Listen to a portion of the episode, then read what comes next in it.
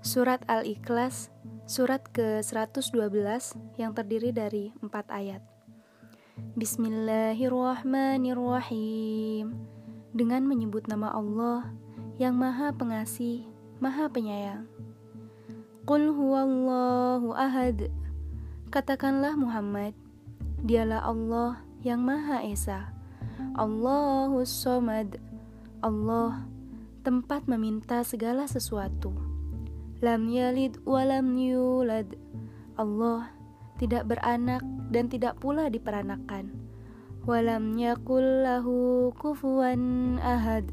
Dan tidak ada sesuatu yang setara dengan dia. Maha benar Allah dengan segala firman-Nya.